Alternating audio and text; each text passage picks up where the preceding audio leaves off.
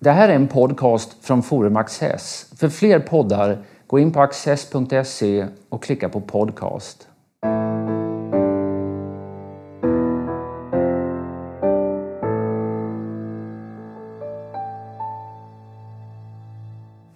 Välkomna till Studio Access. Eh, min gäst idag är författaren Dan Korn. Varmt välkommen. Tack. Du är aktuell med den här boken med den något provocerande titeln Rasister, det är vi allihopa.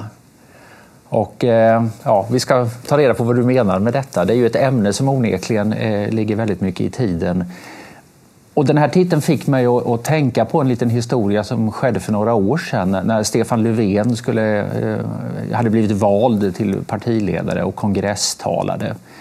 Då i sitt eh, installationstal så var han, sa han bland annat så här, och jag citerar att när rasistiska tankesätt visar sig i samhället, till och med i regeringen, då ska vi agera. Vi ska ta krafttag mot den strukturella rasismen och även se den i oss själva. Och där kunde man tänka det kunde gett upphov till en ganska skarp höger-vänster-konflikt. Då var S i opposition. Han säger att det finns rasism i regeringen. Men det som nästan blev ännu intressantare det var att radions eh, Joar Bendjelloul sen när han intervjuade Stefan Löfven efteråt eh, då ställer den rätt eh, eh skarpa frågan, ja okej, okay, vilken rasism har du då hittat hos dig själv när du har rannsakat ditt inre? Ja, det där parerar då Löfven lite grann, men Bendjelloul eh, återvänder och säger att det handlar ju om att se strukturer också i sig själv. Saker som man kanske inte är medveten om har du hittat något sånt när du har tittat? Ja, nej, får ju Stefan Löfven då säga. Och allt annat hade väl varit omöjligt, men kontrasten blev rätt påtaglig mot det här, de stora orden i talet och det här när han blev synad. Det var, det vore kul att höra dig reflektera lite grann kring den här historien. Ja, det, det, alltså det, det, är, det är ju så modernt idag att tala om en diskurs. Det innebär, det, det där är ju en sånt, ett sånt, eh, man säger, Förr hade han kunnat gå upp och sagt i ett, i ett religiöst sammanhang, jag fattig syndig människa och erkänna sin egen del i synd. Ingen kan behöva vara fri från den. Så där, idag så pratar vi inte på det viset, men idag så säger vi att vi är alla rasister eller vi, vi, den strukturella rasismen påverkar oss alla. Eller, eh, vi är alla ett offer för rasism eller något sånt där. Det låter så tjusigt, men det... Och väldigt många människor tror givetvis också på att vi, man, man ser tecken i samhället på att rasism är någonting som ökar. Och det är en lättköpt poäng skulle jag vilja säga. Att kunna gå ut och säga att eh, med tanke på att rasismen ökar så måste vi göra detta och vi måste göra detta och vi måste göra detta. Det, det går hem i stugorna, tror man i varje fall. Att säga som jag gör i den här boken, eh, att eh, rasism är någonting som har kommit och som har gått och som är olika mycket i olika epoker, olika, så det är inte något konstant. Eh, det är inte lika populärt. Det är mycket svårare. Då måste man kunna, komma kunna bevisa detta, vad man säger också. Men sen så är det ju så också att det, den rasism som idag finns, den är ju inte den rasismen som, som alltid utger sig för att vara rasism. Mm. Alltså det finns givetvis rent rasistiska tankar och rent rasistiska människor. Men ehm, de är ganska lätta att känna igen och jag anser inte att de utgör någon stor samhällsfara. Men däremot de som under konstifika eh, resonemang, olika popteorier säger rasistiska saker under rasismens, antirasismens förlåt mig, dygdesamma mantel. De anser jag de är mycket, mycket värre. Ska vi gå pang på din boktitel här? Ja. Eh, rasister, det är vi allihopa. Är, är vi det? Nej, det är vi ju inte. Det är ju alltså, jag, hade lite jag hade lite diskussion med min förläggare om detta. Ja. Därför han tyckte att om vi kallar boken för Vi är alla rasister så blir det mycket snyggare att designa omslaget. Men det säger jag absolut inte under några omständigheter. För det är ju, jag menar ju absolut inte det i boken, att vi är alla rasister. Utan rasister, det är vi allihopa. Det är ju skämtsamt eh, medvetet anslående då på morsgrisar är vi allihopa. så, så, att, så det, det, det, är, det, har, det har ju en, en, en ironisk innebörd, givetvis. Okej. Okay. Du talar i boken om, kan man säga, om en gammal rasism och en ny rasism. Och den gamla är, vad ska man säga, en Ja, berätta. Ja, den gamla rasismen, ja, den gamla rasismen det kan man, ju, man kan ju dra det där tillbaka som nästan allting annat i, vår, i vårt samhälle. Så kan du dra det tillbaka till eh, upplysningstiden och, och 1700-talets eh, revolutioner, den amerikanska frihetsdeklarationen och franska revolutionen. Där sker det att man står upp för alla människors lika värde och när man formulerar de här tankarna så tänker man inte på vad man formulerar. Man menar när man säger alla människors lika värde så menar man vita, protestantiska i Amerika och katolska i Frankrike män. Men när man väl har formulerat tanken så tänker man efter, men hur är det med, med för att ta Frankrike som exempel, för det är väldigt tydligt den här diskussionen som skedde från 1789 till 1792 att det blir en debatt efteråt. Ska inte eh, protestanter också räknas med? Jo, vi räknar med dem också. Och strax efter men eh, med svarta, eller mulatter som bor i Frankrike, frigivna slavar. Jo, de får också vara med. Sen, nej, vi tar inte med dem, men då har det under tiden växt en debatt. Men judar då? Jo, de, de, får, de får också vara med, säger man då. Och sen så säger man, ångrar man sig, just, svarta ska, får, får också vara med. Kvinnor diskuterar man nästan inte. Det är så uppenbart att de... Eh, men alltså, man säger alla människor, men man tänker inte på alla människor. Men det blir en diskussion och detta får detta börjar så bra och detta får en helt klart genomslag med den här den tidiga nationalismen under slutet på 1700-talet, början på 1800-talet. men sen får detta en sorts backlash där man under 1800-talet börjar formulera tankar på att nej, vi är inte alla lika mycket värda. Det beror på en mängd olika saker. Och där kommer då flera eh, tänkare under 1800-talet, där den stor, första stora är ju Gobineau som skriver en bok om varför vi inte alls är lika mycket värda med olika människor. Det beror på vilken ras vi tillhör. Och när han skriver denna boken i början på 1850-talet så får den inte särskilt mycket genomslag. Men några år senare när Charles Darwin kommer med sin teori om arternas uppkomst och man det gjorde inte Charles Darwin själv, men i hans, i hans eh, fotspår, andra tänkare som tog vid efter Charles Darwin, man börjar kombinera ihop den här teorin om eh, Gobineaus, om, om raser, mm. med, med eh, att man ser det som något sorts oundvikligt eller någon sorts, rent av något sorts positivt moraliskt som man lägger in i, i, i Charles Darwins tankar om att om, det, om den starkes, eh, man får, det blir den starkes rätt, formulerar man det. Va? Mm. Så ehm, då ses det som något sorts positivt att, att vissa grupper i samhället är ägnade att överleva på bekostnad av andra. Och då ser man, delar man in det i olika sorters raser som har olika sorters värde och så när man bygger upp de här teorierna. Men då, det som är intressant är att de här teorierna redan kring sekelskiftet 1900 börjar ju avfärdas. Mm. Men man kan säga, för koka ner det här lite, ja. alltså att eh, upplysningstänkandet ser individen på ett nytt sätt. Mm den första rasismen, den gamla rasismen, blir en sorts motreaktion mot denna. Mm. Som sen också plockar en del verktyg så att säga, ur upplysningens och vetenskaplighetens verktygslåda och då förstärker sig själv. Det är ju då en ideologisk och i någon mening medveten rasism hur mycket gammal rasism fanns det som inte alls behövde några teoretiker till grunden utan att folk helt enkelt eh, ja, hade fördomar och eh, kände aggressioner mot andra som var, såg olika ut eller betedde sig annorlunda? Den sortens, eh, alltså, alltså en fientlig inställning eller en misstänksam inställning mot, mot främlingen, det är ju någonting som har funnits sedan urminnes tider och som vi, kan, som vi väl egentligen kan säga är någonting som så att säga, finns naturligt nedärvt i, eller finns i människans natur, att vi är misstänksamma. Det är någonting som vi också kan komma över på olika sätt. Men då talar vi om, alltså det, det som händer under upplysningstiden är ju samtidigt bildandet av stater där folk får eh, medborgarrätt. I tidigare samhällen så har man ju sin rätt tack vare på, beroende på vem man är. Och det beror på vem man är i klanen, vem man är i, som hantverkare eller vad man har för förhållande till makten och så vidare. Och I det samhället eh, så eh, ser man, man ser till exempel under eh, den tidiga mm, kolonisationen av, av Amerika så ser man ju att i början, när, på 1500-talet, när de första kolonisatörerna kommer över i större skala till Amerika, så är man inte alls särskilt noga med att det, skulle, eller att det är något problem med att eh, vita som ofta fördes över, det var, fris, eh, det var, var, var straffångar som togs dit för att de skulle utgöra billig arbetskraft att de skaffade sig barn med eh, svarta slavar eller med eh, indianska kvinnor och liknande. Det såg man inte som något sorts problem på det stadiet. Det var liksom, det var liksom ändå samhällets paria, så att säga. Alltså det gjorde ingenting.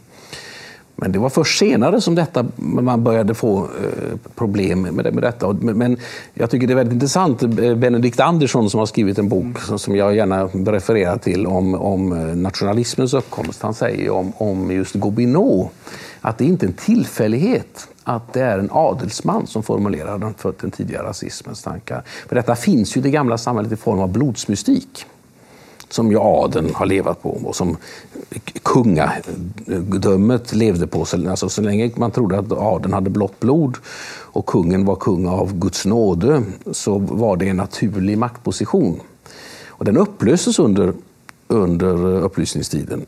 Eh, när eh, han, Fredrik den store av Preussen formulerar att han, han är den, den främsta av alla preussare till exempel, så har han ju samtidigt skrivit på sin egen dödsdom utan att han är medveten om det. För att det som gör att han har den makt han har beror ju på att han ses som någonting mer än en, vilken preussare som helst. När han blir den första preussaren så kan han ju också göra fel och bli avsatt som som för, den, för att vara den första preussaren. Mm. Men förstår jag dig rätt här nu om liksom du menar att det har funnits en eh, ja, lång tid tillbaka i historien en sorts främlingsfientlig skepsis mm. där, man stra, eh, ja, där utbölingar av olika slag ansågs suspekta. Ja. Eh, och, och, att sen systematiseras denna egentligen så att rasism på det sättet är en ganska eh, sen företeelse. Det är det. Ja. Ja. Om man tar just judar till exempel, där mm. fanns ju ändå en, en, en svår förföljelse mot judar långt tidigare, redan under ja, medeltiden. Men då var det alltid eh, för att de inte var kristna.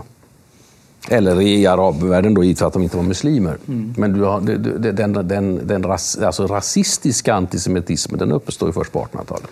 Mm. Och man börjar tala om en judisk ras, vilket är fullständigt befängt. Och vilket många tidiga forskare också påpekar att det, det, det existerar inte någon sådan. Det finns vissa utseenden som kanske är vanligare, men, men det, det, för, det går inte att... Alltså, det, hänger liksom inte ihop, det här, det här tänkandet. Men, det, men det, fick ju ändå väldigt, väldigt stor betydelse senare. Alltså, den, vi får hasta inom historien här, ja. jag är rädd lite grann. Men nu, om vi då återvänder till Sverige. Det har uppstått det här så att säga, rasistiska ideologin mm. under 1800-talet. Mm. Och, eh, hur slår den igenom i Sverige? Var vi, ibland det talas om vårt mörka förflutna och allt detta. Har Sverige varit mer illa däran än andra länder när det gäller sådana här tankar? Nej, vi har inte varit det. Men vi älskar att framställa oss själva på det viset. Vi älskar att lyfta fram Svenska rasbiologiska institutet och så kopplar vi det till tvångssteriliseringar. Svenska rasbiologiska institutet ser vi som väldigt ofta eh, har skrivit en mängd böcker och det tar, skrivs artiklar om det, att vi ser det som kopplar det till, till, till det socialdemokratiska folkhemmet. Vilket är helt fel. Eh, rasbiologiska institutet kommer till 1922 och det sker efter en kraftig kampanj från dess första föreståndare eh, Herman Lundborg som skrev ut, gav ut en mängd böcker, hade massa kampanjer i tidningar och så vidare. Det, var, det fick en väldig uppmärksamhet i slutet på 1910-talet. 1921 man, kommer det en tvärpolitisk motion om att starta det. 1922 kommer det igång. Samma år så skriver eh, Herman Lundborg en bok där han eh, i en, på ett mycket rörigt sätt eh, fram, eh, skriver om degenerationsfaran, heter boken. Och han gör det så att han blir till åtlöje i en, en recension som Torsten Fogelqvist skrev i, i Dagens Nyheter. Vilket gör att luftan, eh, luften går ur den här bubblan väldigt, väldigt fort. Och det som folkhemmet gör, Folkhemssverige gör, är att 1935 att de ser till att Herman Lundborg kommer bort, som han får pensioneras tydligen lite i förtid. Och man ser till så att en pålitlig människa med en helt annan inställning blir ny föreståndare för Rasbiologiska institutet. Alltså man, man ser till att avskaffa detta på tidigt stadium. Detta blandar folk ihop med tvångssterilisering. Och tvångssterilisering Eh, då, där i den debatten så talas det ofta om att vi måste förbättra rasen. Men då ska man komma ihåg att på den tiden använde man ordet ras på ett annat sätt än man, har gjort i, man gör i vår tid. Man var inte alls lika medveten om detta ords negativa betydelse på samma sätt. Man talade om en kvinna hade snygga rasben till exempel. Det var ju inte någonting som hade något med rasism att göra. Och det fanns rasistiska inslag i, kamp i kampanjen om tvångssteriliseringar, men för det första hade det inte något med Rasbiologiska institutet att göra, men att de, de eh, uttalade sig som positiva till tanken det hade lika mycket med att man av hänsyn till att människor, barn inte skulle födas i olämpliga miljöer, inte skulle växa upp under svåra förhållanden och sådana saker att göra. Men det alltså, var ju inte absolut något, definitivt inte något som var typiskt för Sverige. Så det här rasbiologiska institutet det fanns egentligen bara drygt tio år? Ja, till, till Gagnet så fanns det från 1922 ja, till 1935. på 50-talet. Ja. Sen, ja, sen, namnet levde kvar in på 50-talet och som med institution finns det faktiskt kvar än idag fast det har gått upp i andra institutioner i Uppsala. Men, fick det någon sorts betydelse för policy alls då? Eller? Hämtade man någon inspiration i de här skallmätningarna i, i Sverige eller var det bara ett, liksom ett vetenskapligt stickspår? Egentligen? Det, det, det, det enda jag kan se att det, som det ledde till, som jag kommer på så här rakt av, det är en del formuleringar i eh, skolböcker och i mönstringsböcker för, för, för, eh, för militärer där det talas om att det är väldigt viktigt att den svenska rasen bevaras. Men, och de där texterna fanns kvar i skolböckerna in på 60-talet. Men i praktisk betydelse eh, så är det, ja, då är det tvångssteriliseringar, men tvångssteriliseringar beror alltså inte enbart på, på, eh, på äh, rasbiologiska äh, hänsyn. Och det, detta, är något, detta är ju äh, vet du, det, vet det, trender i tiden. Mm. Och många länder har ju infört tvångssterilisering efter att Sverige har avskaffat sin. Som skedde på 70-talet. Som skedde på 70-talet. Ja. Och då hade de inte varit i bruk praktiskt de senaste tio åren. Eller någonting. Men, och, och, tidigare, så har det redan 1914, så fanns det en debatt i, i Storbritannien om tvångssterilisering. Och där, det, var, det kom en motion som avslogs, men så sent som för ett, ett år sedan så utfördes en tvångssterilisering i Storbritannien utan att det finns lagligt underlag för det. Så detta är inte någonting... Det är, man brukar säga att Sveriges, Svenska Ragsbiologiska institutet var det första eh, i världen. Och det var det första statliga i världen, men det fanns, jag tror det var i Wien, fanns det innan. Men summan av den här kardemumman, det blir, det blir på något sätt att ja, det, det fanns rasism i, i Sverige eh, förr i tiden. Och, eh, eh, men, att den, men att den svenska rasismen skilde sig inte på något genomgripande sätt. Alltså den här, den här bilden självspäkningen som du säger, att mm. vi skulle vara syndigare än andra, den är, det är en felaktig beskrivning. Ja, eh, det typiska för Sverige är definitivt inte rasism. Däremot så satte du punkten på, en, på ett viktigt svenskt drag, just det du sa, det, självspäkningen. Det är typiskt svenskt däremot. Vi, vi dras lite fram till i tiden och då så att säga den här eh, eh, den oreflekterade rasismen, om man så säger. Alltså den ideologiska rasismen eh, klingar av. Även den oreflekterade vardagsrasismen blir svagare i någon mening. Samtidigt växer eh, intresset för rasism i den akademiska miljön och du skriver en hel del om det i, i din bok också. Så på något märkligt sätt, så liksom via en kritik av rasismen akademisk, så återuppstår ett antal i ny skepnad eh, rasistiska tankefigurer? Är det att uttrycka, ja, det kan man säga. sig för hårt? Nej, det kan man mycket väl säga. Alltså det som hände i 1990-talet med den stora eh, flyktingmottagningen i början på 1990-talet som sammanfaller med en ekonomisk kris i Sverige som gör att för första gången i svensk historia så blir det så att invandrare, alltså nyligen anlända svenskar, har högre arbetslöshet än infödda svenskar. Som det var tvärtom till dess. Mm det, det ger givetvis dels eh, få verkliga rasister, för de finns. Mm. De eh, får vatten på sin kvarn, rättare sagt. Det uppstår främlingsfientlighet i Sverige. Flyktingförläggningar eh, bränns nu, men de brändes också på 90-talet. Man, man, man, på en del orter så trakasserade man invandrarfamiljer så att de var tvungna att flytta. Man till och med i ett fall man brände ner deras hus. Alltså det, det fanns på 1990-talet en, en, helt klar, och detta sammanfaller med ett större intresse från eh, akademikers sida att studera de här sakerna. Som, och där skrevs väldigt mycket som eh, är absolut mycket, mycket bra och värdefullt på alla sätt och vis. Men samtidigt så uppstår också en så, man, man kopplar detta till de här postmoderna eh, tankefigurerna. där eh, det kommer in en del väldigt besynnerliga idéer. Jag såg så sent som igår läste jag en bok av två svenska akademiker. Jag behöver inte nämna deras namn för jag är inte ute efter att eh, på något vis bandlysa några människor. Men de skriver att eh, användandet av ordet invandrare eh, påminner om den tyska nazismen. Därför att ordet invandrare innebär att den som kallas så liksom för alltid är i en process att invandra och förfrämligas mm. därmed. Och det är samma sak som hände med judarna på 30-talet i Tyskland. Jag menar, med den sortens eh, uh, reduktiv ad Hitlerum kan man ju bevisa precis vad som helst. Alltså, det är en fullständigt grotesk jämförelse.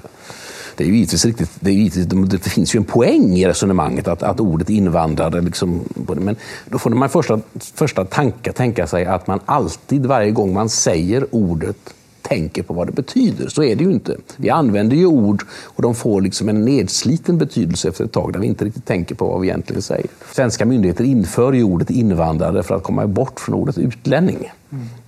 Så det sker ju i en process av att försöka skapa något bättre. Att, att jämföra de här sakerna, för mig, det, alltså det, det blir fullständigt hårresande och det är så tryggt i en text som först kom i en tidskrift och sedan, sedan, sedan har tryckts i två olika böcker som används vid undervisning på svenska universitet. Du, du tar ju upp i boken ett, ett, antal av de här franska intellektuella som har fått mycket stort genomslag i den akademiska världen. Mm. Eh, och då är en annan fråga, liksom, hur stor roll spelar detta utanför Elfenbenstornet? Eh, är det på grund av Foucault, Derrida och eh, ett antal andra franska intellektuella som den här ja, omvända rasismen eh, gör sig gällande på bredare front? Ja, det är en svår fråga att bedöma hur stort inflytande det har. Alltså, jo, det har, hänger förmodligen samman med att människor som eh, vill säga rätt sak och som eh, inte vill stöta sig med, med folk i allmänhet och kunna liksom bara hänga med och säga rätt sak i tiden och så vidare. De blir nog gärna lätt förblindade av detta att, i och med att det gärna då refereras till, till någon av de här eh, pop tänkarna får man väl säga. Då.